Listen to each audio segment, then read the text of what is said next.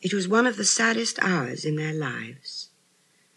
The great chimney rose up before them, and as they drew near the old village across the water, through rows of new mean houses along each side of the road, they saw the new mill in all its frowning and dirty ugliness, a great brick building straddling the stream, which it fouled with a steaming and stinking outflow.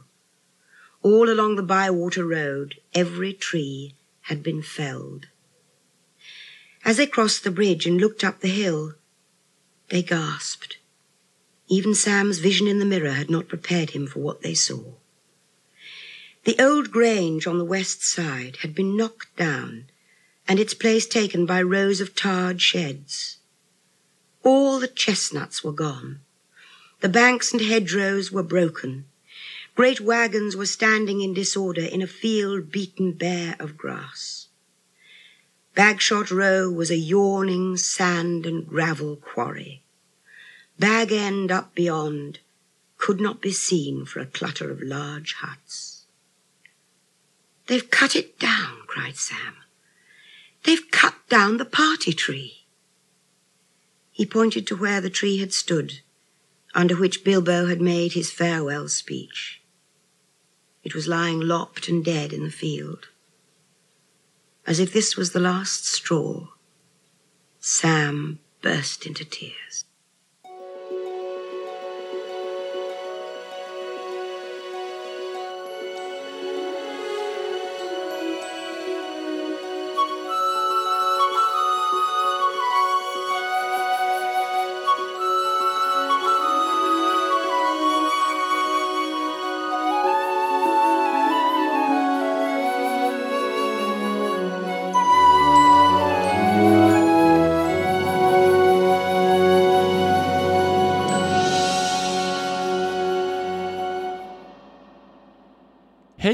Välkomna till det 53 avsnittet av Tolkienpodden.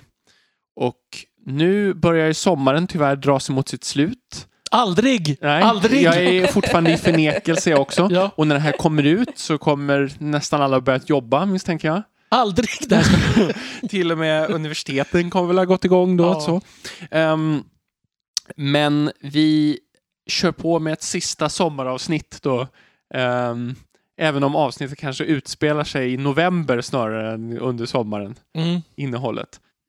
Temat för dagen är Fylke rensas eh, och det är någonting som vi har valt för att det är något som filmerna inte väljer att ta med och som eh, kanske inte diskuteras sådär jätteofta. Så vi tänkte att det skulle vara viktigt att gå in på det mer eh, i detalj. Precis, och det är ju alltså det näst sista riktiga kapitlet i hela Lord of the Rings, kan vi kanske säga. Mm. Det heter The Scouring of the Shire på engelska för de som vägrar svenska. Ehm, så. Eh, och det, vi hörde ju ett litet citat här i, i eh, början av avsnittet med Dame Judi Dench som läste en liten snutt ur det kapitlet. Och då, då kunde man ju önska att har hon läst in hela boken? Men då är svaret nej. Det har hon inte. Det här var hämtat från en dokumentär om tolken där hon liksom läste. Hon var lite spikröst och läste en del. Mm. Och vilka är vi som har, gör den här podden? Va, Bra påpekande. eh, Adam, Elisabeth. Och Daniel! Ja.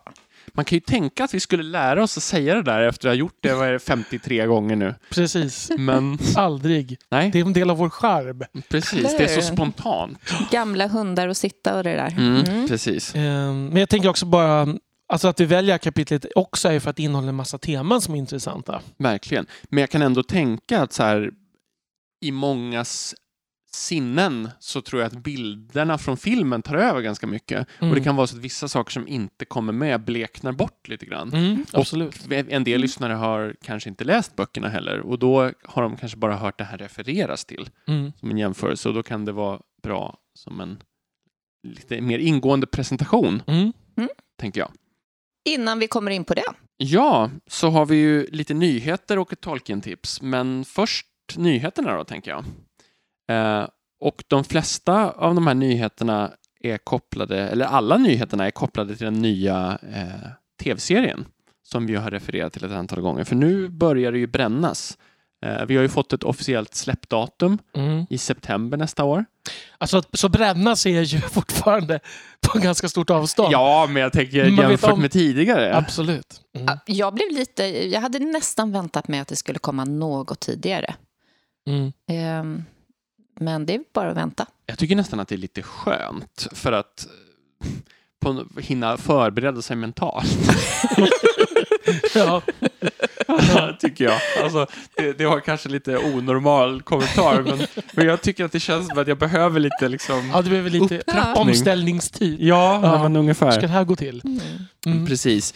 Ehm, men vi har också fått lite ehm, eh, mer information. En del saker är fortfarande rykten, men eh, Det mesta är ju fortfarande rykten. precis. Eh, men säga. några saker vet, verkar man veta säkert. Mm. Men vi Mm. tänkte att vi kanske ska gå igenom de här ryktena lite grann och ehm, eh, kommentera några av dem. Vi tänkte utgå från en lista på moviescene.se. Eh, Mm. Där eh, de går igenom 18 rykten och de kommer ursprungligen från, från theonering.net som Mm. ju är en, ja, en gammal fansida nu som har som jag tror blev stor i samband med filmerna. Vi kan väl också säga att den här finns ju faktiskt som länk på vår Facebook-sida eftersom, eh, nu ska vi se, Håkan... Gustavsson tror jag Just han hette. Postade den. Eh, Eh, och det är precis. en annan lyssnare, Olof Mm. Gisborg, som har gjort den här svenska listan. Eh, vi tänker kanske inte gå igenom alla de här punkterna för att de är mer eller mindre intressanta, så kan vi väl säga. Eh, men listan finns ju där att hitta om man vill ha den. Um, men vi, vi går in på den här listan lite grann och så, så ser vi vad vi säger. Och på första punkten så verkar det som att Tolkien Estate är nöjda med vad de har fått se hittills eh, och att de har varit mer involverade än i tidigare filmprojekt. Um, och att Tolkien Estate har då känt förtroende och därför valt att sälja fler rättigheter till Amazon. Ja, och det hänger ihop med nästa punkt som är att de liksom har fått, fått liksom använda sig av delar av eh, Silmarillion och, och Unfinished Tales då i den här filmatiseringen. Mm. Jag tänker att det är bra, eh, det är ju fint formulerat att de, att de har fått ett större förtroende, men man ska ju också säga att Tolkien Estate är ju andra personer nu Ja, ändå. jag tror att det är mer det Ja, faktiskt. det tror jag också. Att det är folk som har en annan syn på materialet än Christopher hade. Mm. Mm, verkligen. Men det ger ju andra möjligheter. Mm, helt klart. Mm. Som man hoppas att de tar tillvara Ja, på på men ett bra sätt. verkligen. Mm. Att de gör det på ett bra sätt. Mm. Så det var alltså andra punkten där också, att de har fått använda det här materialet eh, från Silmarillion. Och som det står här så är, det ju antagligen till stor del Nomenor-relaterat material och sådär, det som finns i slutet, alltså efter själva Quenta Silmarillion. Mm. Ehm, men Men, som vi kommer till. ja, Mm. det verkar ju som att de har valt att sy in vissa andra bitar också, Mm. vilket ju kan ge en mer fullödig bild kanske. Och de har ju också rättigheterna till både ehm, Lord of the Rings och eh, Appendix. Så att Mm. det, Mm. De har verkligen ganska heltäckande Mm. rättigheter. Punkt fem är lite intressant, att de har valt att sp- spela in människors, alvers och dvärgars ehm, eh, scener eller delar av serien på fristående platser. Ehm, och tolkningen som görs här är att de kanske är tre olika storylines från början som vävs ihop senare. Mm. Och det är ju en möjlig tolkning av det. Det Ja. säger ju i så fall någonting om var i tidsåldrarna vi befinner oss kanske. Jag tycker att det låter rimligt för att platserna inte bara är, vad ska man säga, utan rent geografiskt så utspelar sig de här olika li- folkens händelser på olika platser. Mm. Att man har olika inspelningsteam för det som utspelar sig på typ Numenor och det som utspelar sig eventuellt då i Lorien eller, vad Mm. vi, eller Lindon eller vad vi nu är till exempel. Det känns ju helt rimligt. Jag, tror, jag funderar på om det snarare är platsberoende än folkslagsberoende, Mm. bara att det råkar bli en Mm. bieffekt. Så att säga. Men sen kan jag tänka att, som du sa Elisabeth också, att det är först kanske med The War of the Elves and Sauron och sådär som de, alltså som det blir självklart att de olika liksom, delarna ska, ska kopplas in i varandra. Mm. Så man kan tänka att det är, det är ganska mycket i början av andra åldern, beroende på hur de gör med tidslinjerna, det är vi ju inte Mm. helt säkra på, men, men man skulle kunna berätta fristående historier eller till och med skapa de har ju säkert skapat nya karaktärer som...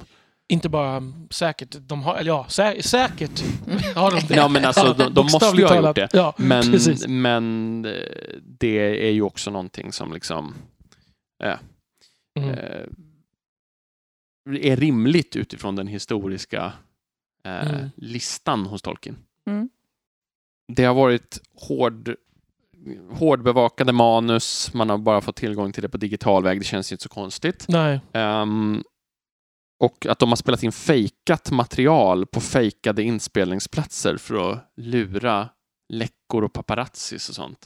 Och det är ju inte helt ovanligt. Det är, ju, med. det är ju inte första gången i historien som det görs. Liksom. Ehm, Jag tror, nu kan jag minnas fel, men jag har för mig att eh, de gjorde det redan i The Empire Strikes Back med, med, med vad heter det, Darth Vader för att inte de spelade in andra versioner. Nej.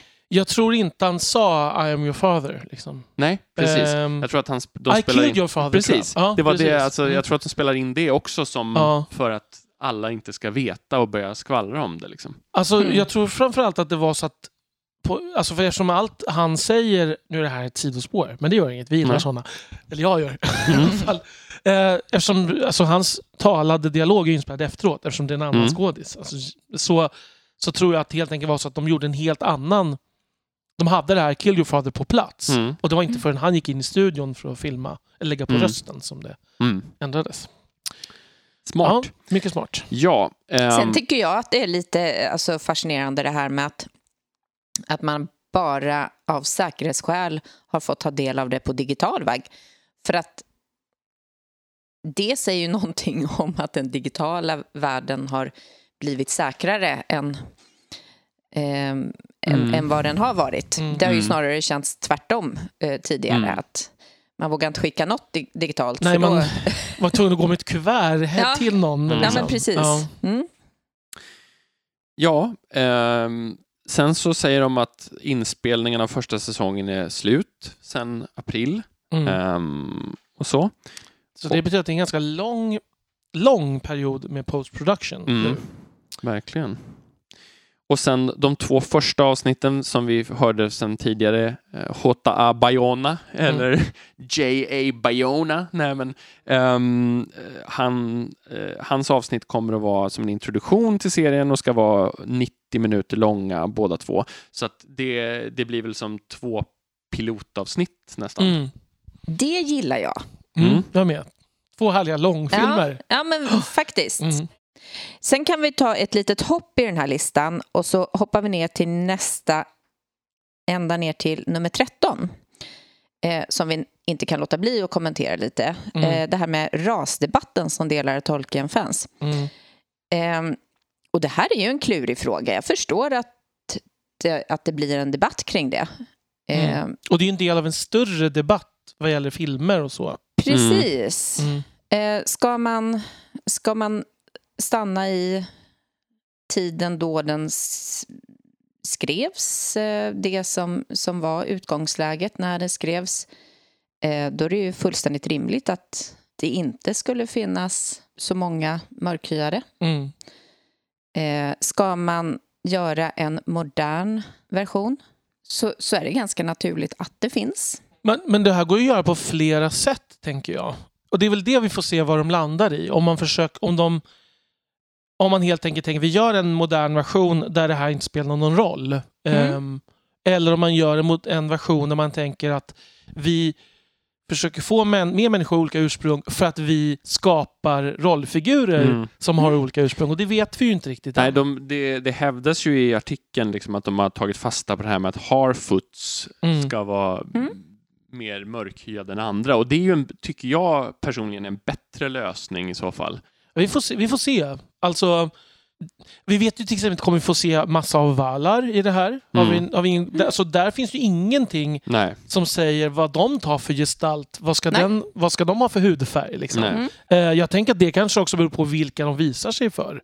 Mm. Precis, och det här som sagt är ju en större debatt liksom i, i filmbranschen överlag just nu.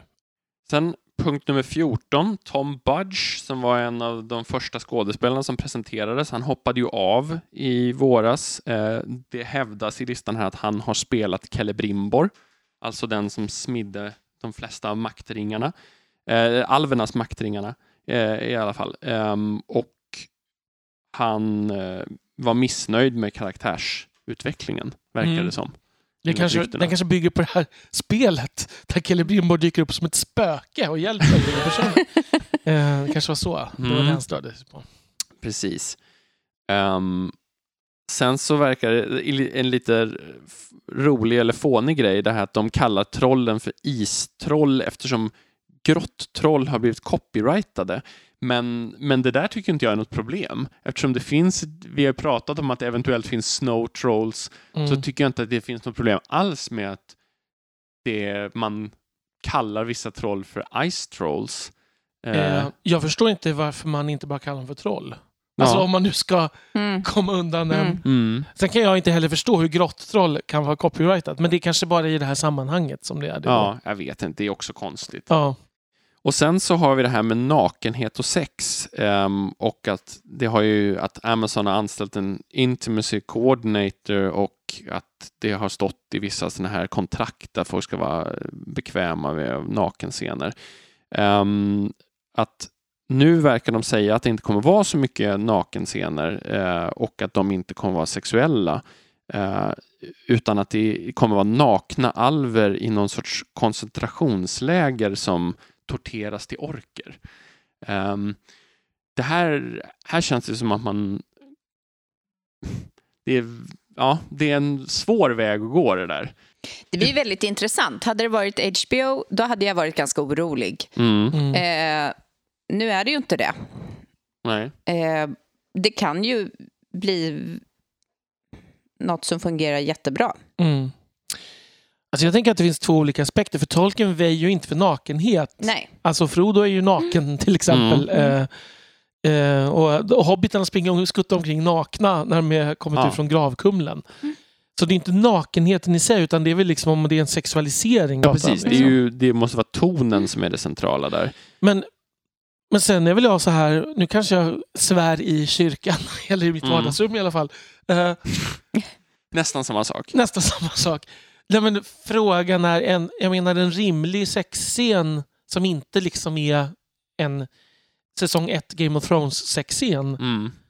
Alltså det måste ju vara så att rollfigurer har sex även i Tolkiens böcker. Absolut. Det har vi ju pratat om förut. Jag tror, jag tror dock att det centrala där blir hur man framställer det. absolut. Ehm, det är det jag menar. Ja, men att- precis. ja. Eh, och, och jag kan också tänka att det många var oroliga för var väl just att det skulle bli mer av en HBO-take när det här Mm. kom fram ganska tidigt, att det här skulle ingå i kontrakten på något sätt. Att, att man säljer genom nakenheten eller mm, genom sex. Mm, mm. Och, Nej, men- men så känns det ju inte. Nej, Det- men den- sen, den sen kan man ju bli lite orolig för om den här koncentrationslägertolkningen blir jag lite orolig i andra riktningen. Inte för det Tolkienska utan för att det kan, att det kan kännas som en lite så här okänslig parallell Mm, som inte helt passar. mm. Jag vet inte, det beror ju helt på hur man gör det. Ehm, jag har inte tänkt mig att orkskapandet liksom sker, sker i någon sorts koncentrationsläger. Mm. Men Fast Nej. det finns ju inte så mycket som mm, säger att det inte har gjort. Alltså, jag, bara, jag bara tänker, det är en ganska spännande eh, tanke att se hur de har tänkt och utvecklat det. För Mm. att det är ju någonting som inte har eh, kommit in som... vi har Mm. inte- inte pratat om det här direkt. Nej, inte så mycket. Eh, jag har inte läst något direkt om vad det står om, om hur... nej, det, det står Mer- väldigt mer kort. Det står bara att de Ja. är- blir torterade. Mm. Ehm, och sen så... Fast det borde ju vara i en tillbakablick i så fall. Mm. För det sker väl, alltså... Det, det är det här vi inte vet. Nej. Igen, alltså hur de har komprimerat ihop historien här. För, för som jag tolkar Tolkiens mer kanoniska texter i alla fall så sker liksom ehm, och, och även History of Middle Earth på den punkten så, så sker ju liksom de här torterandet i början och Mm. sen så, så det, reproducerar sig orkerna på vanlig väg. precis. Liksom. Exakt. Utan så jag tänker inte att det är en pågående alvtortyr som Nej. liksom fyller på orkleden. Man kan ju också tänka kanske att de här två första 90 minuters filmerna eh, har en annan Japp. Ja. eh, än övrig. Ja, Det tror jag är Absolut. väldigt sannolikt. Mm. Faktiskt. Att, det är så. Innan det liksom kommer igång. Eller hur? jätteprolog. Liksom. Ja. Mm. Mm. kan ju bli hur bra eller dåligt som helst. Ja. Jag tror på bra i det här Ja, jag- fallet. jag- jag, jag, jag vill tycker att det känns lovande. Jag är orolig, men... ehm, Böckerna kommer finnas kvar. Adam. Det är sant. Böckerna kommer finnas kvar. mm, Vår podd kommer överleva. ja, det var inte kanske framförallt det jag var orolig för. Nej. Ja. I alla fall, sista punkten då. Sauron kom vara seriens huvudsakliga antagonist. Och det var ju otroligt. Alltså, Ja, det oväntat. Ja, precis. Ja. Vem kunde ha trott det? Ja, Ehm. precis. Ja, men det är ju också det enda som motiverar att serien heter Lord of the Rings någonstans. Mm. Ehm, eftersom det är Sauron som är Lord of the Rings. Mm. Eh, eller åtminstone är den, för att gardera mig här lite, den vanligaste tolkningen. Inte Ormarks tolkning. Han tänkte att ringen var The Lord Mm. of the Rings. Men eh, en vanlig tolkning i alla fall. Mm. Och då behöver ju han vara med. Precis. Men det är också så att det finns ju ingen annan tydlig antagonist i andra åldern för att det ska få storslagna proportioner. Mm. Nej, precis. Vem skulle det vara? Eh, Nej.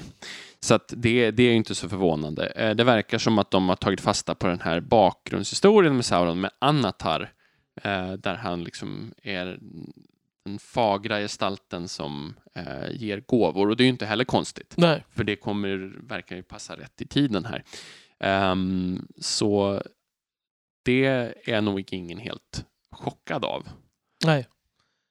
Nej. får man Jag säga. var nästan chockerad om det var tvärtom. Faktiskt. Ja, ja det hade, då hade jag varit rejält chockad. Ja. Mm. Dessutom kan man ju tänka att det är logiskt för dem att försöka knyta an till den bredare filmpubliken med så många saker som finns med i Peter Jacksons filmer som möjligt. Mm. Som, de går, som det går att motivera tidsmässigt. Mm. Och Sauron är ju en tydlig länk. Mm. Men med det sagt så är det ju någonting i mig som som ändå är mer förväntansfull nu med det här. För att just för att de verkar ju... Alltså hade de velat knyta mer till Peter Jacksons filmer hade man ju förlagt handlingen någon senare. Liksom. Mm. Mm. Mm. Det är ändå något lite så här intressant att de väljer att dyka ner här i andra åldern. Mm. Liksom, tycker jag. Vad- Ehm, Vad tror ni om hobbitar? Ja, de pratar ju om att det ska finnas med hobbitar. Vilket väl är inte blir riktigt kanon då. Nej, det, är ju, det beror ju lite på också Ja, eh, hur ur historien ser ut och sådär. Men, men Mm. det finns ju inte, alltså vi har pratat, det är ju otroligt långt innan att fylke grundläggs till exempel. mm, Så att eh, vi får se hur de tolkar det. mm. Jag tror att de måste ha med hobbitar. Ja, Jag har läst någonstans, det stod inte här i listan, men jag har läst någonstans att ordet hobbit också var copyrightskyddat, att de kan använda ordet halfling. Ehm, det vore ju andra sidan fruktansvärt töntigt också. Kan Mm. Så vi får väl se. Jättekonstigt faktiskt. Ja, Om, det... Ja, verkligen. ja, men inte bara töntigt, utan är det någon som borde ha copyright på det så är det väl de som i så fall har sålt det här till... Mm. Till Amazon? Ja. Ja, exakt.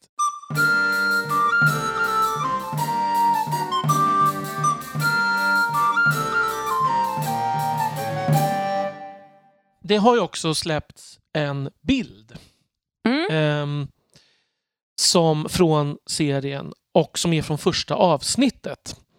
Och den bilden har ju väckt en del eh, uppmärksamhet på lite olika sätt. Dels för hur den, bara hur den ser ut och så, men också vad- för vad den kan tänkas skildra för någonting. Um, och det är ju, om vi, om vi ska försöka vara objektiva och inte göra någon läsning då, så är det ju en stor ganska stor stad i vit, någon slags vit sten som ligger i något bergslandskap. Eh, man ser vatten nedanför, en skog. Det är en person, i vitklädd person som står på en, liksom en eh, gräsbeklädd kulle framför mm. och tittar vänd ner. mot staden. Och i bakgrunden så ser man ju ehm, man ser ju, det måste vi ändå säga, det, det är inte en läsning, man ser ändå två träd som, Mm. Där det också är ett ljussken. Mm. Och här får man väl då tänka det kanske då, eller vi får väl se. Men det är ju alltså, måste ju vara Valinor och det borde vara ju alltså innan solen har skapats. Mm. När jag såg bilden första gången så såg jag faktiskt inte träden för jag såg den på bilden på mobilen. Eh, och vet du, det, såg, tänkte bara att det var solen. Liksom. Och sen så, det var först efteråt som jag såg detaljerna där. Mm. Ehm, för min första association var att det här skulle vara en bild av Earendil som kommer till Valinor, men då är ju träden redan förstörda. Mm. Ehm, så det går ju inte ihop. Eh, Vi vet ju inte hur de har... Nej. Jag tror, jag tror ändå inte att det är en del... ehm, jag tycker personen ser ganska ljusårig ut. Eh, och där kan man, det har diskuterats, för folk är inte eniga, är det en man eller en kvinna? Det finns, eftersom alverna ska vara korthårigare i den här, Mm. säger de. Eh, så finns det de som spekulerar att det här är Galadriel som står och tittar ner. Jag kan ju tänka mig att det är Sauron som står och tittar ner. Mm. Eh, vad nu han gör där. Jag tycker ju att Galadriel-teorin ändå är ganska, liksom, kanske den som har lägst odds. Mm, ja, precis. Ehm, just eftersom Galadriel också blir en länk till de karaktärer som är, som är med i filmerna och som vet du, många tittare kanske känner till och som Mm. också blir eh, liksom en central figur genom alla tidsåldrar. Och då är frågan, men staden då verkar väl verkar det ju vara som att det är sannolikt att det är Tirion. Ja, Faktiskt. det, det, så skulle jag tolka det. Och det verkar ju ligga högt också, för det ligger ju på kullen Tona i böckerna. exakt. Att, Exakt. Ehm, och då här, den här bilden kan ju göra en både då mer orolig om man tänker att hur ska de få in de här träden? Hur har de komprimerat ihop handlingen? Mm. Alltså, eller så är det en del av den här tre timmars sammanlagda prologen. Eh, Mm. vilket jag ju tror att det är eftersom det är från första avsnittet. Mm. Liksom. Så är det någon slags tillbakablick. Eller, en, eller det kanske till och med är så att vi kommer få vara med och se träden förstöras och hela liksom bakgrunden till... Det Mm. kanske är en, blir en sammanfattning av Silmarillion. Mm. Vet ju inte. Nej. Alltså att vi får förklaringen till vad, vad allt, alla de här konflikterna liksom bottnar i ursprungligen. Den kommer i så fall få prologen till Fellowship of the Ring och blekna lite Ja, i så fall. man kan ju säga att the stakes are high om de väljer att gå på det spåret. Ja, det är några tusen år trots allt. Ja. Skulle, ja, intressant att tänka vad de i så fall skulle välja ut. Mm. Det har vi ju pratat om några gånger, hur Ja. vi skulle filmatisera Ja. Silmarillion och Ja, men och, här, och, och här kanske de faktiskt gör eh, lite. Eh, Nu har vi ju pratat om till exempel att man skulle ha någon sagoberättare som tar upp olika delar och sådär. Eh, Det kanske man gör då med en, fast delar upp det bara på två. Mm. Mm. Eftersom Galadriel, det skulle ju kunna verkligen också igen då tyda på det. För hon är ju den första som pratar i Peter Jacksons film. Mm. Hon är ju den som sätter tonen och berättar det historiska sammanhanget. Det är inte helt orimligt att hon får den, här, den rollen även här då. Nej. Mm. Nej, det är möjligt. Vi får se helt enkelt. Fast jag tror inte att det är hon på bilden. Men det är svårt att... Ja, det kan ju vara en karaktär som inte ens är namngiven av Tolkien, Det kan det vara. till och med. Ja. Eh, Tro, tro, Gud förbjude. Ja. Det som kittlar lite hos mig är ju, får vi eh, se en, eh, en version av Olorin? Mm. Jag har funderat på om det här där är det. Det skulle kunna Mm. vara, ja, Mm, mm. precis. Mm. Hmm. Det blir intressant att se vart det tar vägen. Men allt det här har i alla fall gjort mig mer sugen på serien. Verkligen. Jag trodde aldrig att vi skulle få se de två träden på film, om jag ska vara ärlig. Jag har nog alltid haft på känn att något skulle börja röra på sig när Christopher dog. Mm. Ehm, och att det är för mycket pengar i det. För att Silmarillion inte ska tuggas upp. Ja, Ehm, jag hoppas att det tuggas upp till något bra. ja, det, jag är lite... Alltså jag är nog mest orolig av oss tre. Säkerligen. Men Ehm, Vilket inte överraskar någon nej, faktiskt. nej. nej, vi får se. Vi får se.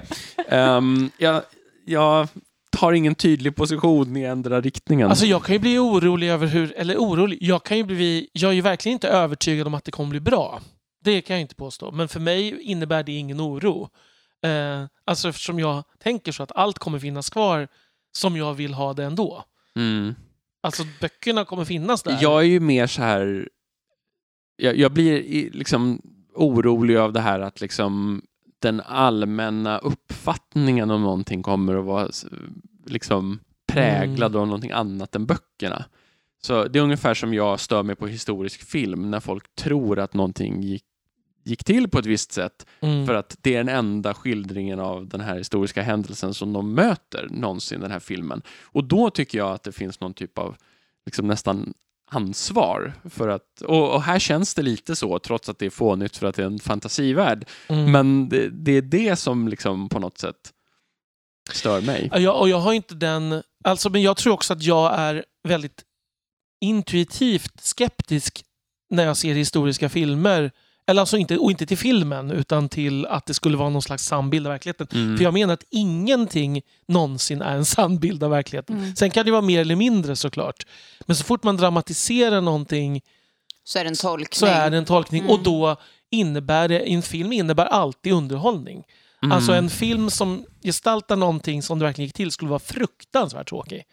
Säkert, men det är, jag tycker det är en stor skillnad på att liksom skriva in en känslomässig underton i en karaktär eller att liksom flytta någon 10 000 mil. Och liksom, Jag kanske kan tycka tvärtom då att det är mycket, egentligen mycket allvarligare att personer får bli någon annan än de var i en filmatisering än att händelser utspel, blir fel.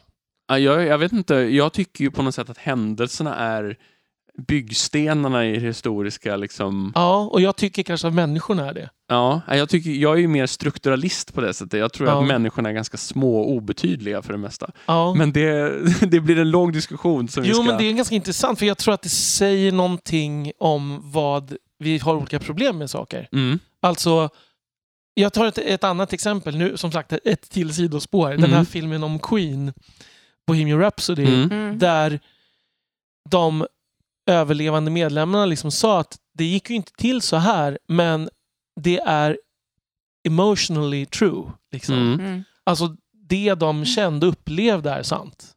Och för mig är det... Jag kan också störa mig i den filmen på att varför har Freddie Mercury mustasch när han sjunger We'll Rock You? Mm. Det hade han inte. Han hade långt hår och var glamrockare fortfarande. Han Mm. var inte Mm. den här liksom, hade inte gått över i nästa fas. Det är ju så här, det är fånigt. Men, men det är ändå viktigt att personens relationer stämmer för att det handlar om personer. Mm. Fast, fast jag tycker att det är inte riktigt samma sak med en film om Queen eller en film om hundraårskriget.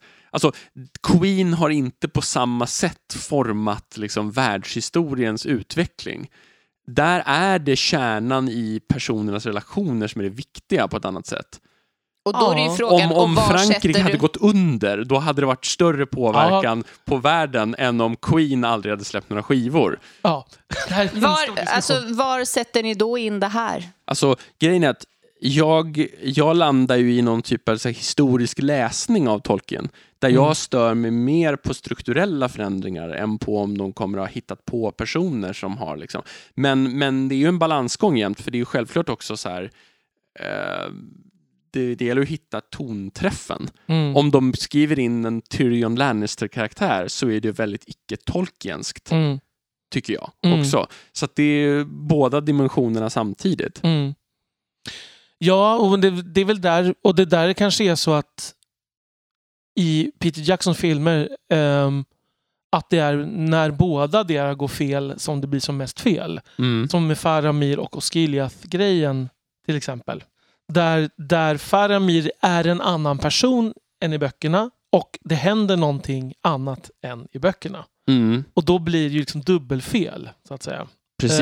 Ehm, Många gånger så, så tänker jag att de där sakerna förstärker varandra. mm, Att det liksom är de, den ena saken skapar den andra. mm, Alltså att liksom om en person får andra eh, vad heter det? Egenskaper? Ja, precis, egenskaper eller bevekelsegrunder så kan det leda till andra händelser om man följer det till dess logiska slutsats på något mm. sätt. Jo. om den här personen gör så här, vad skulle då ha hänt? Och då landar man ju i att hän- händelseförloppet måste bli annorlunda. Mm. Och det är ju just det som händer med Faramir. Mm. För att händelseförloppet blir ju bara annorlunda för att hans karaktär blir annorlunda. Mm. Mm. Sen skulle man ju också kunna säga att det finns ingenting som är sant för att allting är vinklat ur någonting.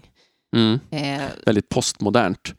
Ehm, jag jo, men är alltså, ju... det, man, kan ju aldrig, man kan ju aldrig se en händelse helt neutralt. Nej, absolut. Eh, Men jag menar att man inte heller kan gå över i något postmodernt kaos där det inte finns någon sanning utan allting bara är upplevelser. Jag tycker det finns ett en långt steg mellan de två påståendena. mm, Mm. Verkligen. Absolut. Där håller jag med. Och där var vi överens. ja. Eh, Kanske där ja, vi sätter det var, in- ja, det var intressant den här diskussionen för att jag tror vi fick en ny inblick i hur vi tänker. Mm. Mm. Det tror jag också. Efter så många år tillsammans. Mm. Mm.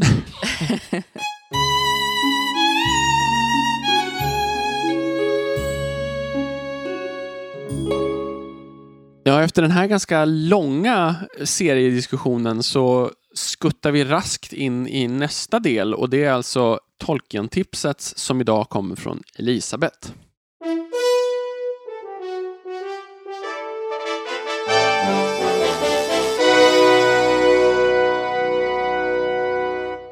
Mitt Tolkien-tips eh, är, vad ska man säga, eh, delvis ett tips och delvis en liten uppmaning. Eh, jag fick nämligen ett litet eh, inlägg här på Facebook som jag såg från en god vän, Hanna, eh, som hade varit vid Inglingehög. Inglingehög, det ligger lite söder om Växjö har jag sett på kartan. Eh, och hon har lagt ut några fina bilder här och så skriver hon eh, Sagan om ringen, kummelgastar, punkt, punkt, punkt. Mm. Och då kände jag att hmm, det här är ju verkligen någonting som jag gillar och det är just att hitta de här platserna där man plötsligt känner att oj, nu är jag mitt i eh, ja, den där bokens värld som av olika slag. Jag har till exempel så går jag i Ronjaskogen eh, på vägen hem från, eh, från mitt jobb ibland Mm. eh, och, och kan se hur hon springer omkring och skriker eh, vårskriket och sådär. Mm. Eh, och det är sån härlig känsla. Eh, så Inglingehög eh, vill jag gärna besöka just för att se om jag själv får den här kummelgast-känslan. Mm. Och eh, jag var till exempel på Kanarieöarna och såg någon som, ja, det, det var så likt så det finns inte, men det, just den här lilla spetsen på eh, hur filmatiseringen är i Minas Tirith. Eh, den här vita lilla spetsen Du som menar är liksom från filmen. som ja, går ut, precis, här, som går typ ut. udden där uppe på höjden? udden ja. på höjden. Ja. Eh, den, det, det var så spot on, liksom. Mm. Så att det var också att jag plötsligt bara, hur är det möjligt att det kan vara så likt? Eh, och då, då blir min uppmaning istället lite här. Eh, finns det fler såna här ställen runt om, framförallt kanske i Sverige? Nu har ju vi haft semester, de flesta här. Eh, man har kanske varit runt. Eh, många har valt att semestra just i Sverige. Eh, så har ni några sådana platser som ni skulle tipsa och rekommendera eh, för att man får lite feeling när man besöker dem och känner att man är mitt i någonstans i handlingen i Lord of the Rings. Mm. Eller Silmarillion eller något annat Tolkienskt. Inte hittat något Tirion, någon vit stad. I alla fall. Så. Nej. Nej, Men, nej. men ehm, jag tänker att det finns väl också den här, att det är någonting gemensamt med inspirationskällorna. Liksom att Inglingehög har liksom bronsålders och vikingatids Mm. kopplingar och att Tolkien använde det. Så att det känns som att kopplingen går i båda riktningarna på något sätt. Jo, men precis. Men eh, nå- sådana här ställen när man kommer dit så känner man "Åh, tidens vingslag eller eh, Mm. liksom litteraturens eh, som står och pockar på axeln och sådär. Eh, så skriv gärna i kommentarsfälten på, på Facebook Mm. om ni Mm. har sådana och kom med tips. Eh, ni Kanske det är lyssnar. foton också om ni råkar ha sitta Ja, på men det. precis. Ja. Mm. Och, och stort tack till Hanna som eh, gav den inspirationen. Och tack till Elisabeth Ja, som vidarebefordrade den.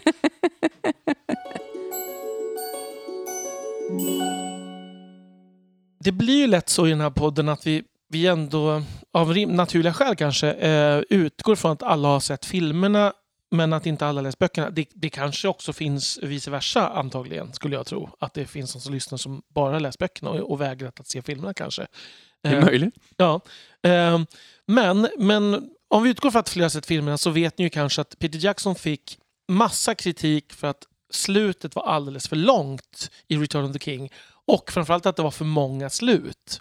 Han säger ju det själv, eh, Peter Jackson. Ja, det är långt, men det behöver vara det efter så här många timmar film. Men liksom, Mm. Det är inte i slutet av en film, det är i slutet av en hel se, liksom, trilogi av filmer. Mm. Eh, men trots detta så är ju slutet då i böckerna ännu längre. Eh, och i filmen är det ju så att när hobbitarna kommer tillbaka till Fylke så är det ju, och det är en ganska fin poäng han gör, nämligen att de kommer tillbaka till en värld som är helt oförändrad. De vet inte ens typ om vad som har hänt. Mm. Och de är förändrade. Eh, vilket ju är en... Det är en bra lösning tycker jag. Alltså det säger någonting vad som har hänt dem ehm, ändå. Men de återvänder till sin inskränkta lilla värld. Liksom. Eh, men i böckerna är det ju inte alls på det sättet. Utan Fylke är ju förändrat. ehm, har liksom dragits in i kriget. Mm. Mm. Och när, eh, i, i filmen så, så, så så är ju inte resan speciellt lång Nej. däremellan. Men däremot i boken, då, då reser de ju tillsammans ganska länge. Mm. Ehm, även Galadriel följer med en bra bit. Ehm, Gandalf följer med. Ehm, och de, de har liksom en sista, ett sista farväl. Och hobbitarna beger sig sen på egen hand. Men innan de delar upp sig så stöter de ju faktiskt på någon som blir avrättad bra mycket tidigare i filmerna och det är ju Sauroman. Mm. Ehm, Så han har ju stuckit och eh, kommer som en stackars vandrare där. Tillsammans med Grima. Ja, Så de har blivit någon slags dynamic duo, får man säga. En, en spirande bromance. Nej, verkligen inte. Men de Eh. möter ju dem liksom... Det är ganska tidigt. Det är nästan så långt från det man kan komma. Ja, verkligen. Ja. Ja. Nej, men de, det, och det är ganska tidigt som sagt. Det här är redan i Dunland Mm. väl, de stöter på dem. Och det är ju, Långt Det är söderut. långt söderut, precis. Och där någonstans tror man ju kanske att det, det, den liksom, delen av historien är över när de lämnar. Men man får ju en indikation på att det kanske inte är så. Liksom, riktigt. Sen så, så kan vi ju ge lite tidsperspektiv. Alltså ringen förstörs ju i mars. Mm. Och de kommer På hem... Marie bebådelsedag. Ja, precis. Och de kommer hem i månadsskiftet oktober-november. Så de har ju tagit lång tid på sig Mm. sedan dess. Bara för att ni ska få en liten känsla av liksom, hur lång tid som faktiskt passerar. och det kan man ju tänka sig att, att det här är något som både eh, handlar om att nu har de inte så bråttom eh, längre. Nej. Det är ingen som flåsar dem i nacken. Eh, men också att de kanske inser att, att det finns något som tar slut när de... Ja, de Mm. drar ut på avskedet. Ja. Precis. Mm. Mm. Och Tolkien drar ut på avskedet, ska vi säga. Det är Ja. nog säkert lika mycket för hans egen skull som Ja. för hans personers skull. Mm. Ja, och de får ju en, eh, eh, ett första sådär härligt möte när de kommer till Bri och hittar deras älskade häst som de släppte lös vid Moria och eh, som faktiskt då fick överleva och Mm. Mm. väntade på dem och följer med dem sen eh, på sista etappen. Och det är den sista etappen som är det här kapitlet, Mm. Ja. får man säga. Man kan väl säga att liksom det börjar redan i kapitlet innan, i kapitel sju i sista boken, eh, Homeward Bound. För då, då börjar liksom det här, de tar sitt sista avsked från Gandalf som säger, som antyder att allt inte står rätt till i Fylke och att han inte kommer följa med. Ehm, Och det är så typiskt Gandalf. ja. Mm. Han kunde ha klivit ur så här tidigare. ja, och han säger också rakt ut där, Saur, Saruman ligger bakom det här. Mm. Ehm, och, men jag tänker chilla med Bombadil istället Mm. ungefär. Så, Ja, ehm, lite Bombadil-chill. ja, chill med Bombadil. Ja. Så, mm, så att, eh, och han verkar veta en hel del eftersom han säger det kommer finnas portar vid Brandywine Bridge även om det inte har funnits förut och så här. Så att Mm. redan där får man ju liksom en, eh, en föraning. Eh, och även Barleman säger i Bree att liksom, det har nog hänt saker i Fylke som ni liksom inte kommer att uppskatta. Så att eh, redan där, och Sam anar ju att det här han har sett i Galadriels spegel kan vara eh, Mm. kopplat till det här. Och det är ju det enda Mm. som är kvar av det här i filmerna, är ju att, att Sam ser det här i spegeln. Mm. Alltså en version Mm. av det i alla fall. Precis. Men där är det inte sant. Nej. Så de kommer fram till gränsen Mm. eh, och, och inser ju, då har de just blivit av med Gandalf. Eh, Det tycker jag är en intressant grej. Eh, och det är ju någonting som tas upp senare också som kan tolkas på flera sätt. Varför gör Gandalf så liksom? Mm. Är det tanken att han vet att han eh, finns ju inte där med dem för alltid och lösa deras problem? Tolkar jag lite grann. Alltså det, en kombo av att hans uppdrag ju är klart. Ja. liksom. Han säger det rakt ut. Ja. Han säger dels är det inte här mitt jobb längre Mm. och dels så har ni vuxit så ni klarar Mm. sånt här Mm. själva nu. Mm. Ge, ge en man en fisk och han är mätt för dagen. Lär honom att fiska. Mm. Eh, de har lärt sig att fiska. Ja. Ja. Just det. Eh, nej men så att de kommer ju dit eh, och stöter på kanske just det som är det jobbigaste, det vill säga att det finns eh, hobbitar som håller patrull. Liksom. Det första är just de här jag vet, portarna vid Brandywine Bridge på båda sidor och nya fula vakthus. Ehm, och så känner de igen Hob Hayward som Jens Gärdesvakt heter han väl Exakt. i nyöversättningen. Mm. ehm, som ehm, rapporterar lite om hur saker står till ehm, nu. Och det är, finns en massa nya regler där ingen släpps in på nätterna och att eh, om man gör, skapar problem så kan man wake up the chief's big man som visar sig vara Bill Fernie Mm. som ju eh, hobbitarna stöter på i Bree på vägen i, i Fellowship of the Ring Mm. som visar sig ha blivit en skurk i fylke nu. Det som är ju, alltså, de är ju väldigt kaxiga här, våra, Ja. våra fyra hjältar. Mm. Um, framförallt Mary och Pippi, men även Sam är ju väldigt Mm. kaxig. Ehm, så att de liksom... De, de, väljer, de vägrar ju att följa alla de här nya reglerna Mm. och sådär. Ehm, ja. De sliter ner skyltar och eldar mer än de får och allt, klättrar över ja. portar och allt möjligt. Mm. Och skrämmer också bort Bill Fernie. Ehm, Mm. De upptäcker att liksom värdshuset är rivet och att sådär. Eh, och här kommer ju en första lite politisk reflektion. Ja, precis. Det var ju någonting som jag eh, reagerade på.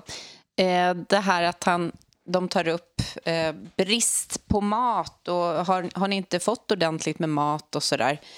Eh, och då svarar ju, vad hette han, Jens? Mm, Jens Gärdesvakt. Ja. Fantastiskt. We grow a lot of food, but we don't rightly know what becomes of it. It's all these gatherers and sharers. I reckon going round counting and measuring and taking off to storage. They do more gathering and, than sharing, and we never see most of the stuff again.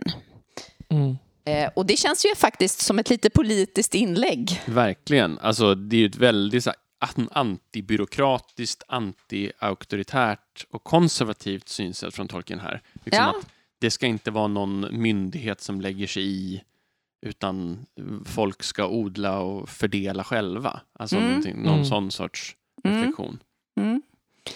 Eh, ja, och det är en spännande diskussion i sig eh, som man skulle kunna hålla på och diskutera ett bra tag. Ja, och jag har många tankar om det politiska i det här sen. Vi kan ta det när vi Det i dyker ju upp helhet. lite fler gånger Absolut. sen, men, Ja. men det här är ju väldigt svart på vitt. Ja, men säga, Vad han försöker säga här. Mm. Ehm, sen reflekterar de ju över att det är andra saker som, alltså man, an, förutom det så kom, uppenbart har det liksom in, vad ska man säga, instiftat någon sorts angiverisystem Mm. eh, och att alla, allt det nya är väldigt fult och kalt och sådär.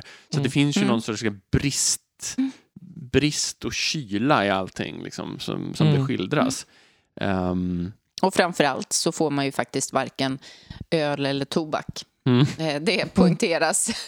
Precis. De säger också, eh, Tolkien påtalar ju också att det är ovanligt många rökpelare som stiger mot himlen, vilket ju också ger en så här industriell association. Mm. Även om han säger att det är folk som bränner saker så kan man ju tänka att bilden är hämtad från hans avsky för, Mm. ehm, för industrier. Ja, det, det står ju till och med om jag nu, jag, nu kanske jag skuttar fram då, men när han beskriver den, den, liksom den här uh, nya byggnaden som står, säger han, det står skrevar Mm. över floden där, Mm. där förut kvarnen var Mm. och släpper ut smuts. Ja. Alltså det är ju en... Han skräder inte orden Nej. här. Ehm, På vissa av de där ställena så är det nästan, det blir nästan överdrivet. Att de, Mm. de liksom förgiftar allting med flit. Ja. Det är inte ens för att uppnå något annat syfte, utan det är, det är verkligen sådär... ja, precis. Ehm, Men, men i alla fall, de ger sig vidare i alla fall Mm. och kommer ju så småningom till Grodmyra. mm. Ehm, Frog Morton. exakt. Ehm, och där, det, det upprepar sig ju kan man säga. Här är det ju inte Jens Gärdesvakt eh, utan eh, Nisse Lillgrubb. Eller Robin Smallborough. Precis. Som, och då är det fjärdingsmännen, alltså the sheriffs, eh, som ju har blivit någonting annat än de var. Får Mm. man säga. Mer av en politiserad eh, liksom, vaktstyrka nästan. Mm, de har blivit någon sorts Stasi-liknande organisation. Ja, exakt. Ehm, och det, men det är ju också väldigt likt det här att de tror att de ska kunna ta in på ett värdshus, men precis som The Bridge In så är The Floating Log stängt och det är ett Mm. nytt fult hus istället och de får ytterligare upprepningar av det här. Man, man får inte resa fritt och det öl är förbjudet och folk sätts i låshålor och Mm. alltså det, det är ju De näst- blir arresterade. Ja, Mm. Ja. eh, fast även om de, de tar det inte på så stort allvar. Nej, vilket är Ehm. underbart på sätt. Ja, Det, ja. är, ju- alltså, det är en fantastisk formulering där, Mm. generellt. Ja. Hur de, ni är arresterade, ja, ja, ja, ja. ja. ja. Arrestera oss nu. rid, rid här bakom oss. Och, Ja. Vi säger att vi är arresterade då, om ni blir glada då. Typ så. Men Ja. en, en lite mörkare grej är ju när, när de just driver med de här och liksom inte Mm. ser så arresterade ut och det är en Mm. Äldre man som, Mm. liksom, som, drar, som skämtar kring det där. Då är de på väg att springa och plocka honom på en gång Ja. tills de blir liksom hotar dem att backa. Mm. Så, så det finns ju liksom en mörk underton i det där trots att de inte tar Mm. det på, de inte känner sig så hotade. Förhållandet blir ju, förstärks ju där också, att de verkligen inte är speciellt arresterade eh, med tanke på att de sen kan hota bort Mm. Mm. Stoppa Ja, andra de, de kan arresteringar. Stoppa, ja, men Mm. precis. Ehm, Precis, och sen kommer vi fram då till Bywater efter det. Åby, som Och det då heter. Där, Mm. ehm, så, där sker ju liksom de flesta av händelserna i det här kapitlet kan man väl säga. Mm. Det blir centralpunkten och det är ju som en liten by öster om Hobbiton kan man väl säga. Mm. Ehm, och där, det är samma sak där. Det är hus, de gamla husen är borta, många av hobbithålorna är tömda, det är nya fula hus, träden är fällda, det är murade skorstenar och så vidare. Och det står också hänger ett gäng eh, busar här som hintas ganska tydligt att de är någon sorts halvorker. Mm. De är i alla fall inte hobbitar. Nej, precis. De, de är människor, men, men det, det är en ganska rasistisk beskrivning här där det står att de är Mm. squint-eyed och sallow-faced. Som ju liksom, det låter lite tveksamt. Med, med, med ett ironiskt litet. Ja, Ja. precis. Ja. Ehm, och de jämför, hobbitarna jämför de här med eh, Bills, Bill Fernies vän eh, som de stöter på i Bree, eller som många jag såg i Isengård, tror jag att det är Mm. Mary som säger. Ehm, så, och, så det är väl antagligen så att man får tolka det som att Saruman har korsat orker och människor. Ja, och, och i det här, man kanske ska säga att det börjar ju liksom utkristallisera sig lite, lite vad som hänt. Alltså de har ju trott hela tiden att det är då Loto, Lotho, alltså ehm, Lobelia och Othos son, sex, Mm. sextabagger, nu vill, Mm. jag, vill jag säga, fast Mm. Sackle Baggins. Mm. ehm, som ju, det var ju Sackle Baggins som köpte Bag End när Mm. Frodo flyttade. Och att de då, eh, alltså sonen i familjen är den som liksom satt igång allt det här. Mm. Men de börjar ju höra talas om någon då som kallas för Sharky. Mm. Som man förstår då är ju inte... Så småningom förstår de att det är ju inte samma person. Nej. Det är ju inte Lothos som är Sharky. som för övrigt har en väldigt märklig översättning, va? Farsan. Ja, Mm. obe, Eller obegripligt. hajen Mm. då i, um, i Ormarks. Mm. Vilket ju låter rimligare, men det är ju inte det ordet shark, utan shark betyder en skurk. Mm. Här. Så det är typ skurken. Men sen så tänker jag att apropå det politiska så fin, här finns det ju om den tidigare framför allt kanske mer pekar mot något sånt sovjetiskt system Mm. så finns det ju i reflektionen över hur allt gick åt skogen när Lothar började köpa upp allting så finns det ju någon sorts liksom, kritik mot något kapitalistiskt eh, frimarknadssystem också. Man Ja. märker att Tolkien har någon sån här Mm. gammaldags, liksom, att det går illa när någon köper upp allting och blir för mäktig. Liksom. Ja, Det ska vara traditionellt på något sätt, att det ska hålla sig av sig självt i absolut. status quo. Och jag, jag började när jag läste det här, om man nu, om vi nu ska gå in på analyser, så började jag se Lothar lite som, nästan som någon sån här von Papen-figur. som liksom... Alltså det, det, det sägs ju inte rakt ut hur det här har gått till, men man får ju intrycket av att han har tagit sig vatten över huvudet. Mm. Som lierar sig med den här Sharky och, där, och, och i det princip då tappar hela makt, sin maktposition, Mm. kommer det visa sig. Ehm, Och Frodo förstår ju det här ganska fort. ja, Han gör ju precis. den analysen själv. Han Mm. menar det är synd om Lothar. Han har, det är inte, han, han har inte velat att det ska gå så här långt. Nej. Han har tappat kontrollen över Ja. vad som har hänt. Där kan vi väl också eh, komma in ganska... För, för det är väldigt direkt här som de blir lite... De tar olika eh, ståndpunkt. De tar ställning för hur det här ska gå till. Och Frodo är ju en extrem pacifist. Mm. Mm. Eh, han vill ju inte att någon ska sätta livet till i onödan. Nej. Eh, han, han tvingas ju acceptera att, att det kan komma till våld Mm. Mm. eh, medan de andra är mer inställda på att det här Mm. är ett krig. Mm. Och här ska jag också säga att Mary och Pippin är ju mycket längre nu då än alla andra Mm. hobbitar. Efter att ha druckit det här äntvattnet. Ja. Mm. Så de måste ju göra någon slags, alltså framstå som någon slags auktoritetsfigurer bara av den anledningen. Där Och de är liksom rustade i, Ja. liksom, de är ju, och de är ju, de har ju upplevt mycket mer krig än Frodo. Ja. De har ju haft en annan båge, så de har ju Verk- blivit Verkligen. andra personer på det, Det sättet. På det viset så är det ganska fascinerande hur de ändå i, den här bo, liksom, i det här kapitlet eh, vänder sig till eh, och säger att det är han som ska bestämma hur Mm. de ska göra. Han är Mm. väl inte strateg någonstans. Mm, nej. Men, men här är ju också att de får, tar ju lite olika ansvar då som sagt. Och och Frodo, Frodo han vill ju då vi ska, vi måste, han vill ju också såklart göra någonting åt situationen men Mm. genom, med någon slags eh, fredlig lösning. Och, eh, så småningom börjar de ju ändå då, de börjar organisera här. Pippin beger sig iväg för att samla ihop alla tockarna. Mm. Ehm, eh, och Sam... De, alltså, han Tolkien är ganska smart här, för han utnyttjar ju deras olika roller. Här. Att Sam Mm. Får ju någon slags uppdrag att, att samla ihop lokalbefolkningen Mm. genom familjen Cotton. Där. Mm. Ehm, Som inte, inte är bomullsfamiljen. Nej, som inte är bomullsfamiljen. Det är bara en slump. Eh, nej, det är inte bara en slump. Men eh, så eh, gamla bonden Torping, som ju råkar ha en dotter Rosie då, som ju, som vi förstår, Sam är förtjust i. ja, och det här tidigare. lägger ju Tolkien in lite så här som en, ja just det, eh, Mm. grej. Och han bryr sig inte om att gå tillbaka och skriva in henne tidigare. Nej. Men hon, ja... Det, det är ju ett hårt ögonblick där för honom när han kommer och ska, han ska rädda eh, och samla ihop och, och liksom han har offrat ett helt år Mm. på att ja, i stort sett offra allting eh, för Frodo.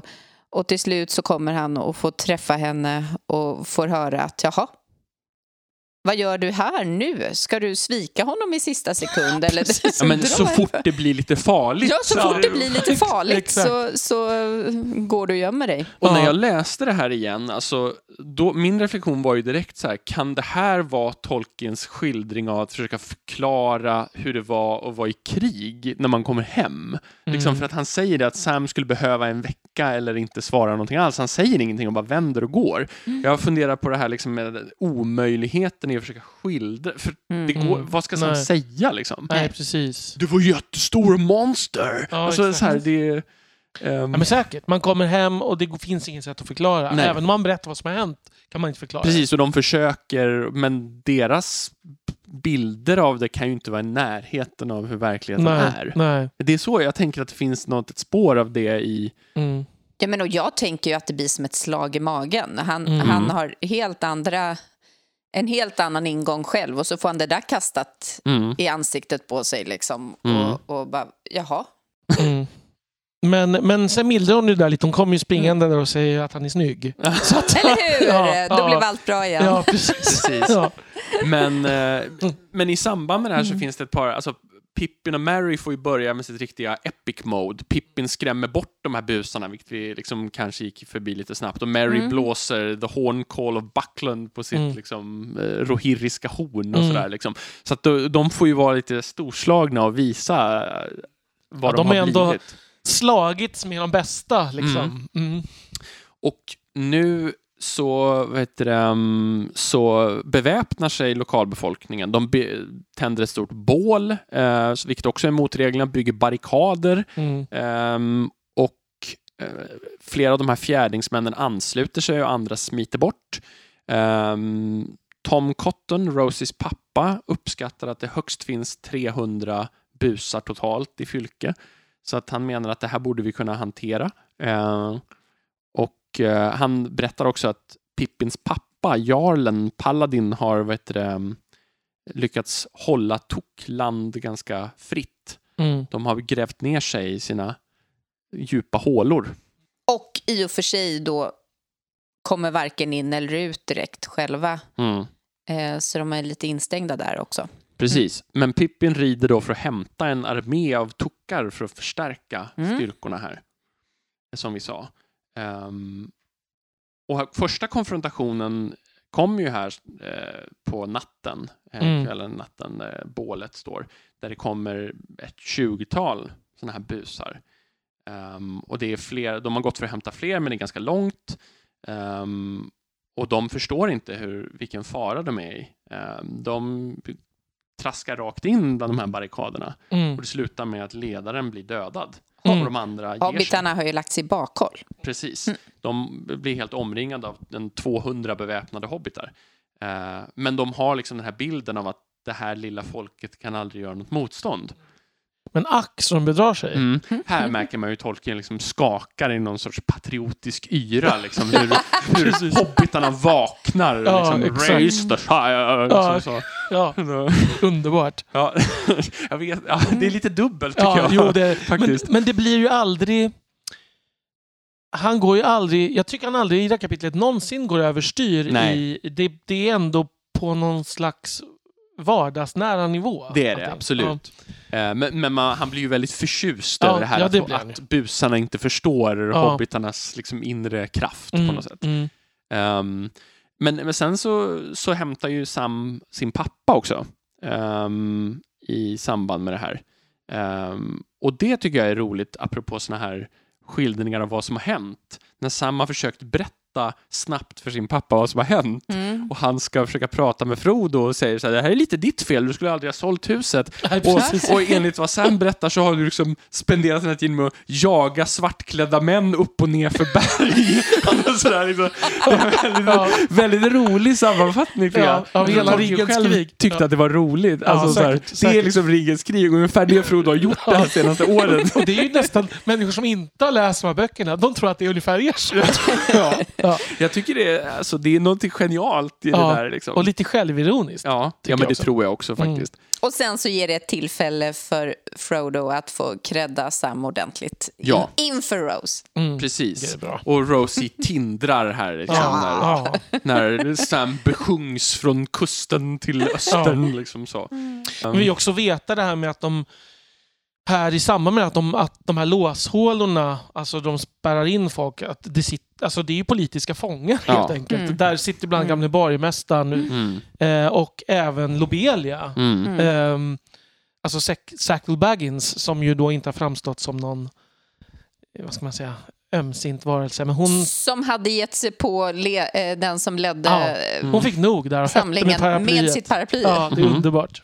Men, men en annan sak som är intressant här, apropå det du sa i början Elisabeth, med det här med att vissa gillar det, så pratar de ju om det att eh, Ted Sandyman Mm. eh, rapporteras det är nöjd med den här nya teknologiska Mm. kvarnen Mm. och att det, att det här har eskalerat på slutet, att liksom, nu förorenar de med flit bara för sakens skull. De Mm. hugger ner träd Mm. som de inte ens ska använda. Så han menar att det, är liksom, det har gått till en alltså, saromansk punkt här eh, från Isengård, där liksom, som, som vi får se skildringen i filmerna, att det är nästan som att de bara river ner träden för sakens skull snarare än, Mm. ehm, Ja, precis. än för, eh, för att de ska ha det till någonting. Och de säger också det att i början så betalade de ju för saker, men nu är de här busarna bara i liksom ren maktposition.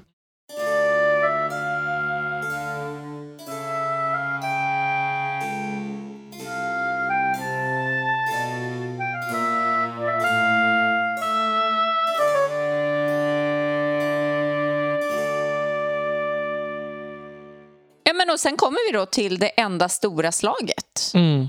som är här. 3 november. The Battle of Bywater. Ehm, Ja, det var, så- och då var det senast typ 300 år sedan Mm. ungefär. Någonting sånt där. Som Precis, det var krig i. Det var 1147, Mm. om jag inte minns fel, som The Precis. Battle of the Greenfields utkämpades. Exakt. Du minns inte fel. Jag har, har det framför Ja, mig här. vad bra. Ja. Och med fylkeräkning alltså, ska Ja. vi säga. och då Tok anslutit Japp. med 100 man stark där. Och det är ju Mary Pippin som mycket som leder det här liksom, Ja. slaget kan man ju säga. Mm. Eh, Frodo har ju inte ens dragit sitt svärd utan han går Mm. där och försöker lugna folk så att de inte ska döda Mm. folk i onödan. Liksom. Mm. Och det som sker rent strategiskt är då att ett hundratal busar marscherar upp för vägen här mot Bywater och de eh, lägger sig bakhåll hobbitarna. De har ställt upp barrikader för att blockera vägen framåt och de har valt en plats där liksom det går höga vägbankar på båda sidor om vägen och häckar ovanpå dem så de kan gömma sig bakom dem. Och när de här har marscherat in där så stänger de för bakom dem också så de är instängda på alla håll av barrikader och eh, vä höga vägbankar och tvingar fram en konfrontation. Mary eh, uppmanar dem att lägga ner sina vapen och ge sig, men busarna försöker ändå storma sig ut. Några, några av dem eh, vill ju lägga ner vapen Mm. och ge sig, men får inte. Nej, de Nej. andra eh, ser till att de håller Ja. sig liksom i ledet. Mm. Men några lyckas ju faktiskt ta sig ut. De stormar mot eh, barrikaderna bakom dem och slår sig ut och dödar Mm. några hobbitar. Mm. Men Pippin säger att det är gott om jägare i fylke nu så de kommer inte komma långt. Det är ganska mörk Mm, liksom, verkligen. reflektion på något Mm. plan. Mm. Men eh, det blir ju ändå ett riktigt slag och några av dem lyckas ta sig ut eh, över någon av de här bankarna och började, börjar döda hobbitar. Men då kommer Mary och Pippin in i någon sån här episkt anfall. Mary dödar ledaren och de inringar de övriga. Och när det är slut så har de dödat 70 av de här eh, ruffians ehm, och tagit 12 fångar. De har också förlorat 19 hobbitar. Mm. Ehm, och det här noteras sen, det liksom att busarna slängs ner i en sandgrop att hobbitarna läggs i en massgrav med minnessten och trädgård som Mm. anläggs senare. Då. Att det här noteras ner i Fylkes historieskrivning. Mm. Och nu då, efter slaget, så tar de sig till The Chief. Ja, precis. De, ska ju dit. De, de som sagt pratar med Ted Sandman på vägen och han blåser i ett horn för att förvarna om att de är på väg. Mm. Men då tar Mary fram sitt horn och säger jag har ett bättre horn och Mm. blåser själv. Kaxigt, som sagt.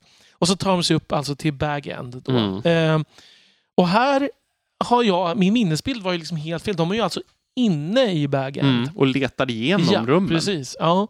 Så det var intressant, för det var väldigt länge sedan bevisligen som jag läste det här kapitlet. Ehm, och de säger det att det här är liksom värre än, än Mordor, säger Sam. Men det är liksom... Men Frodo säger att ja, det här är Mordor. Mm. Och det, jag kan verkligen förstå den känslan. Eh, jag tänker, bara det obehaget om, om man till exempel får ett inbrott i sitt hem. Mm.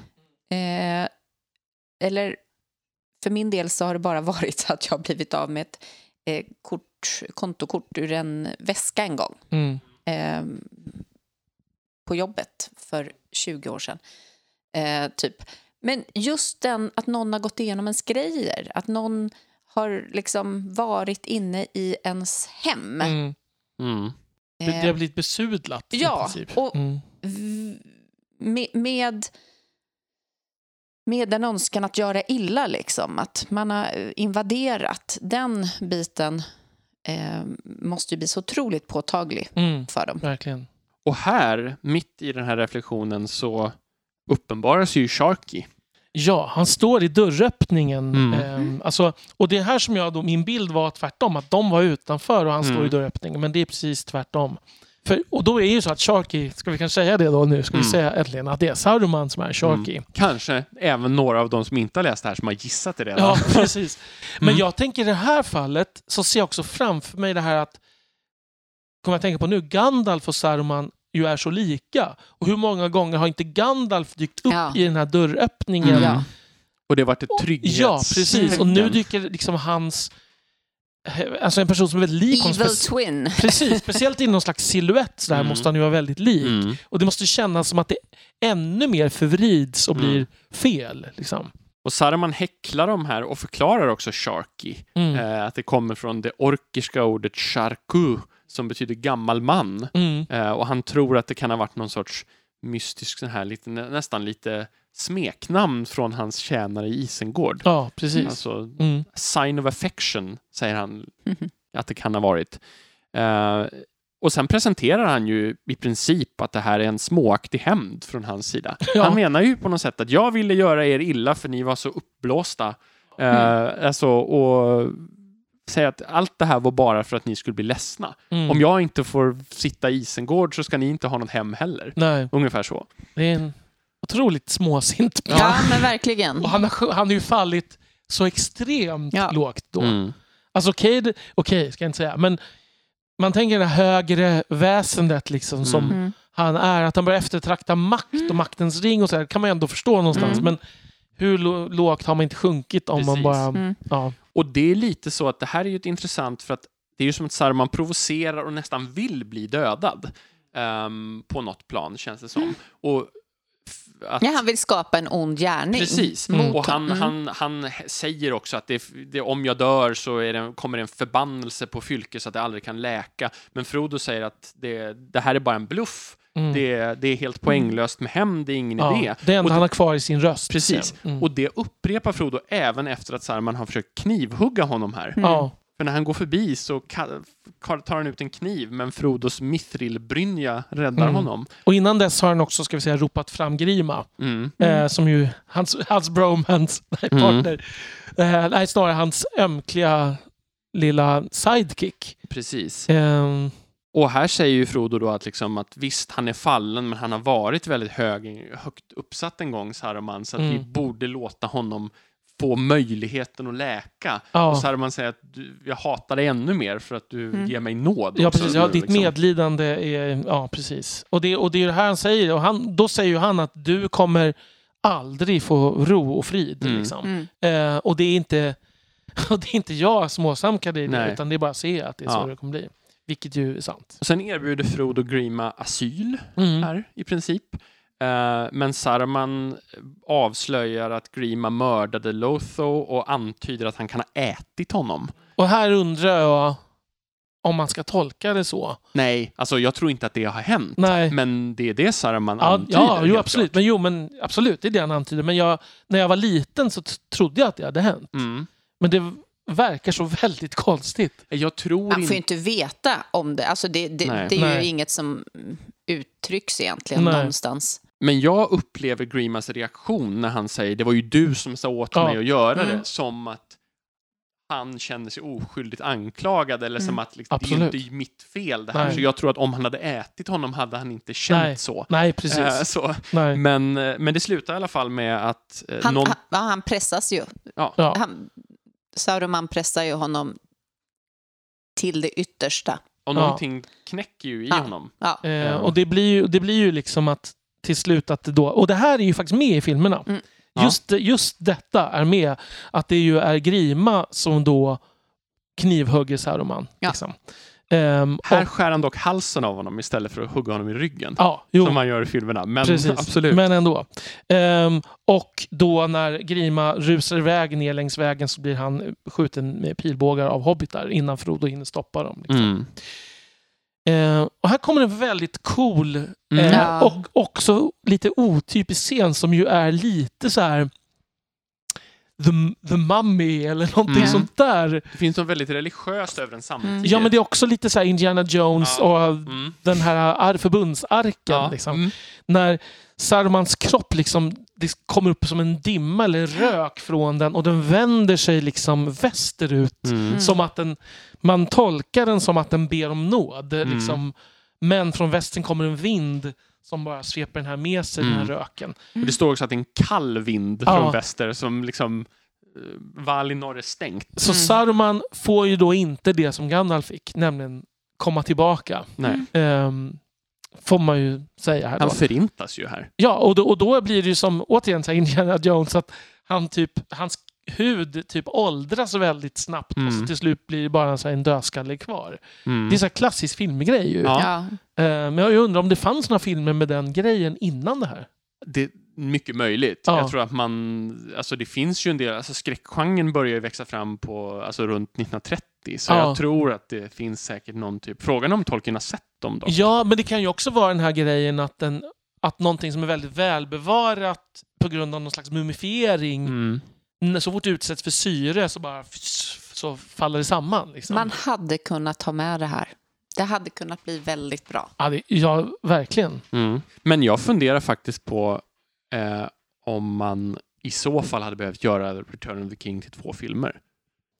Faktiskt. Ja. För att det är, alltså för många andra fantasy-serier har ju valt den lösningen, alltså Harry Potter och Hungerspelen och sådär, och göra sista delen som är väldigt lång och tät till två. Mm.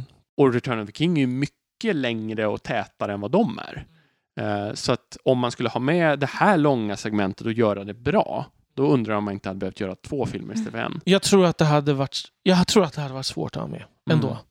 Alltså man hade fått haft extremt kort och då är det kanske bättre att inte ha det med. För att jag tror att hela slaget och det hade man inte kunnat... men Alltså det här skulle ha blivit 40 minuter. Ja. Liksom. Absolut. Och det skulle ha känts ändå, tror jag... Antiklimaktiskt. Ja, eller? ja men liksom... Och det är det som gör att det känns bra i boken. Det som gör att det känns bra i en bok tror jag skulle vara det som gör att det inte känns bra i en film. Mm. Att det börjar trappa ner Ja. storslagenheten Ja. på något sätt.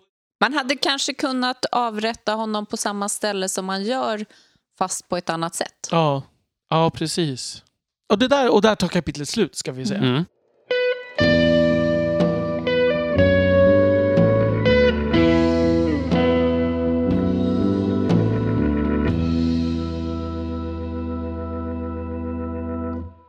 Nu har vi glidit in lite på vad vi tycker.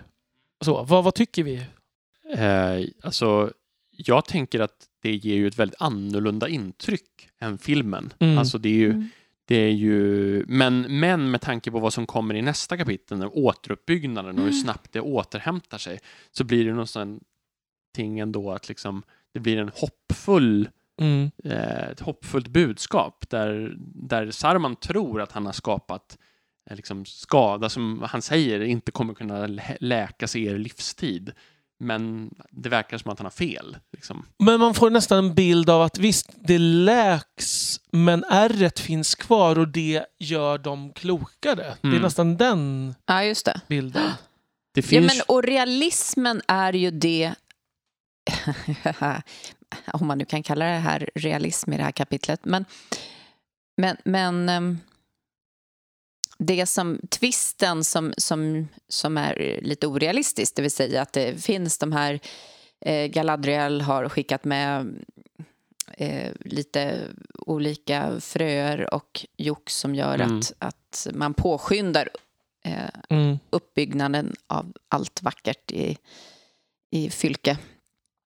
Ehm, men, men det här, om man nu kan se det som realism, ehm, så är det, är det ju ändå så att det här med att krig kommer in överallt.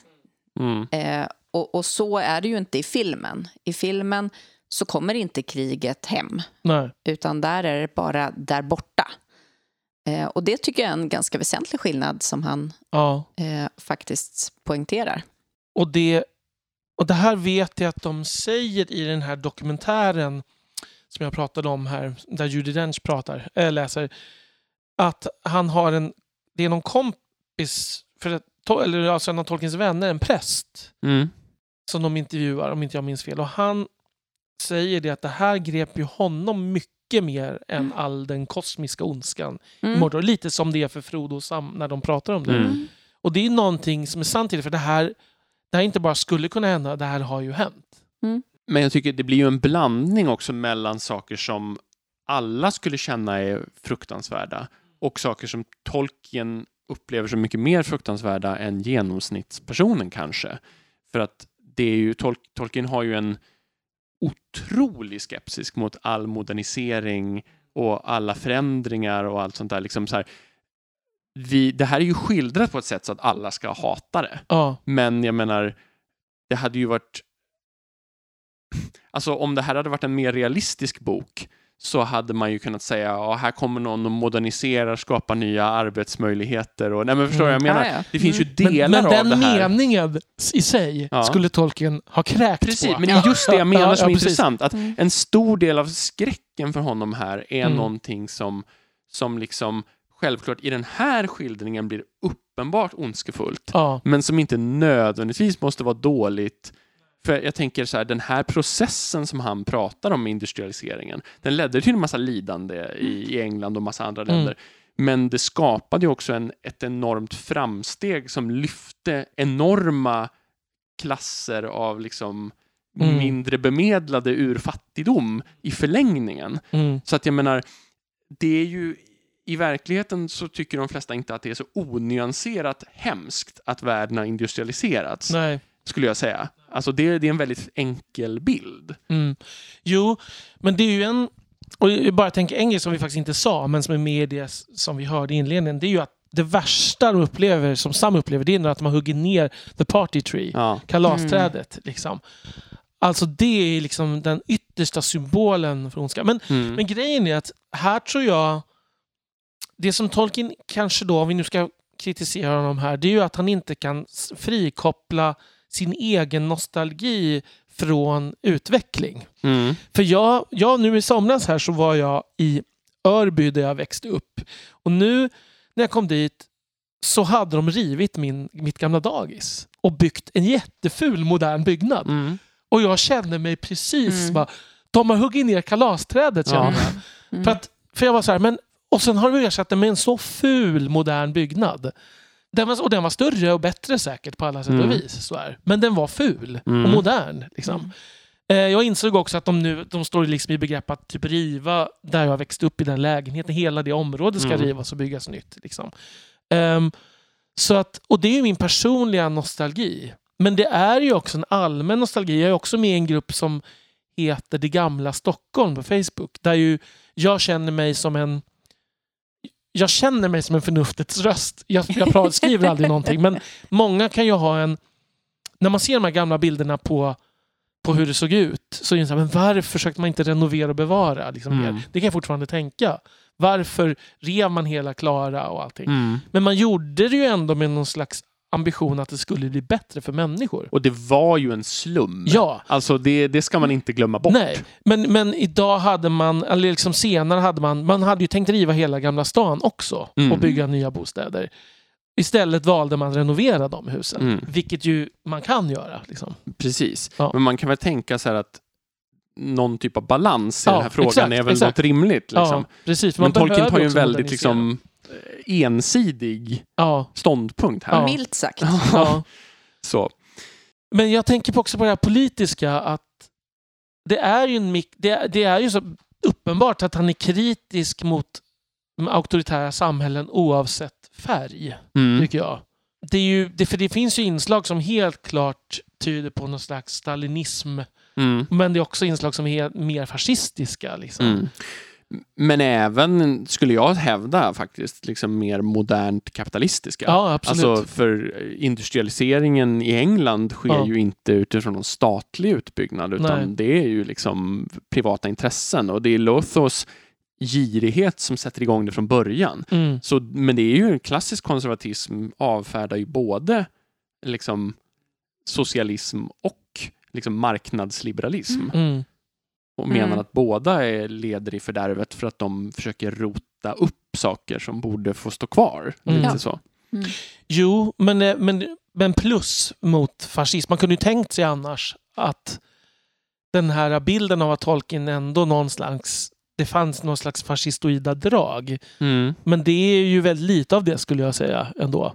Ja, Alltså, i, tycker jag man ser, och man kan i alla fall utläsa i det här kapitlet. absolut.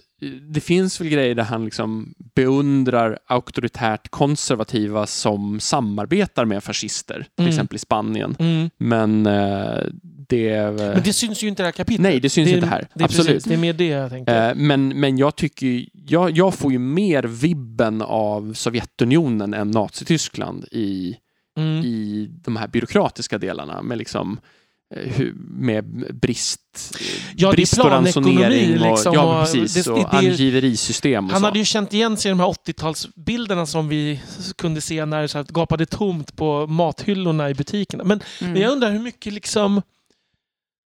Det är ju det, det, är det här ändå som jag tänker, hur mycket av det var liksom allmänt...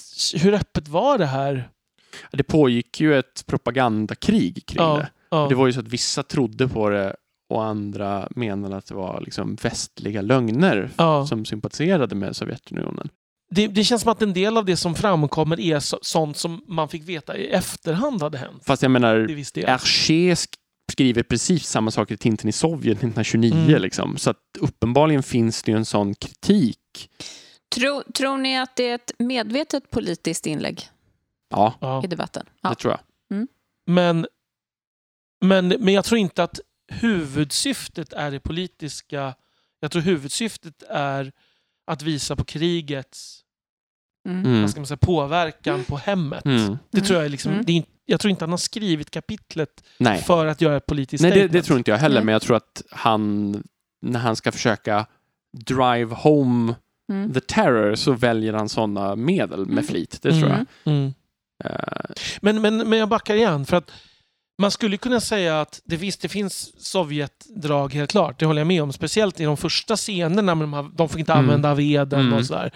Men, men Saruman är ju inte alls en Stalin-typ. nej. Nej. Han Nej. är mycket mer, alltså drar åt något fascistiskt. tycker Ja. jag. Precis. Han är ju demagog också väldigt Ja, tydligt. sådär. ja. Men, och sen finns det ju de som har gjort den här kopplingen till liksom halvorkerna, till genetiska experiment och Nazityskland och Mm. sådär. Mm, mm. Det ville ju Tolkien tona ner väldigt Mm. mycket och Ja, det vi säger här med på. nu, det är mycket av det här som skulle Tolkien säkert inte gå med på Nej. överhuvudtaget. Kanske Finns, säga. här- det, finns det några paralleller som han inte tonar ner? Ehm, Ja. ja, nej men precis. Alltså det, är- det är ju sant. Men, men jag tänker att liksom, framförallt de här så avfärdade han ju faktiskt en del saker rakt Ja. ut och vägrade kännas vid det. Men här får vi tänka att vi gör mer av en läsning av teman snarare Mm. än att vi menar Mm. att det är allegoriskt. Mm. Liksom. ja, precis. Nej, det är ju ja, exakt. Så är det ju. Men sen så tänker jag att vet du, en, en kärna ändå är ju att Frodo säger att allt det här kan byggas upp. Det viktiga är att inte hobbitarna har blivit förändrade inuti. Mm. Liksom, han är mest orolig när han träffar Ted Sandyman för han Ja. menar att liksom, mm, det här är det riktiga hotet. Ja, det är Om den riktiga människorna ondskan. skulle förstöras. Ja. Liksom. Eh, Och det tror jag är någon sorts kärna ändå. Ja. Och det är ju en väldigt rimlig kärna som känns väldigt modern och aktuell. Mm. Hur människor förändras och dras med i saker. Liksom. Och jag, jag tänker att det finns ju någon sorts... Alltså Ted Sandyman, vi får ju en antydan till att han har osympatiska drag redan i första boken. Ja. Och här får vi någon sorts att han liksom var mer prone to, eller liksom, han var mer är mottaglig för vissa eh, liksom, Mm. influenser kanske. Får man tankkänslan av. Ja, jag, när jag läste det här kapitlet, först, jag tycker att det är väldigt bra och välskrivet och också extremt mycket modernare än, väldigt mycket av boken i stort. Mm. Alltså Mm. det här skulle ju inte kunna vara skrivet under 1800-talet. Nej, verkligen inte. Ehm, och, och, och jag blev så här, det här skulle kunna blivit en egen bok. Mm. Det, för att, och att man skulle ju liksom förstås då ha gått längre i att beskriva hobbiternas kamp och liksom... Och jag tänker på det här, för det som slog mig också, när, eller har slagit mig alltid, det, det är att varför gör de ingenting när de är så många fler? Mm. Varför krävs det att de här fyra hjältarna kommer? Varför gör människor sällan? För det är ju, det är ju så ofta. Mm. Trots att man är fler så gör man inget. Och det är någonstans, tror jag, den här rädslan för att det kan ju inte bli värre. Om jag håller mig på mattan, det, det kommer inte gå längre än så här. Och Mm. bevisligen funkar okej nu. Och sen så förflyttas det där Mm. hela tiden. För så tror jag man får tolka hobbitarnas oförmåga att göra någonting alls. De bara tänker, ja, men värre än så här kan det inte bli och sen blir det lite värre. Ja, men nu kan det ju inte Mm. bli värre.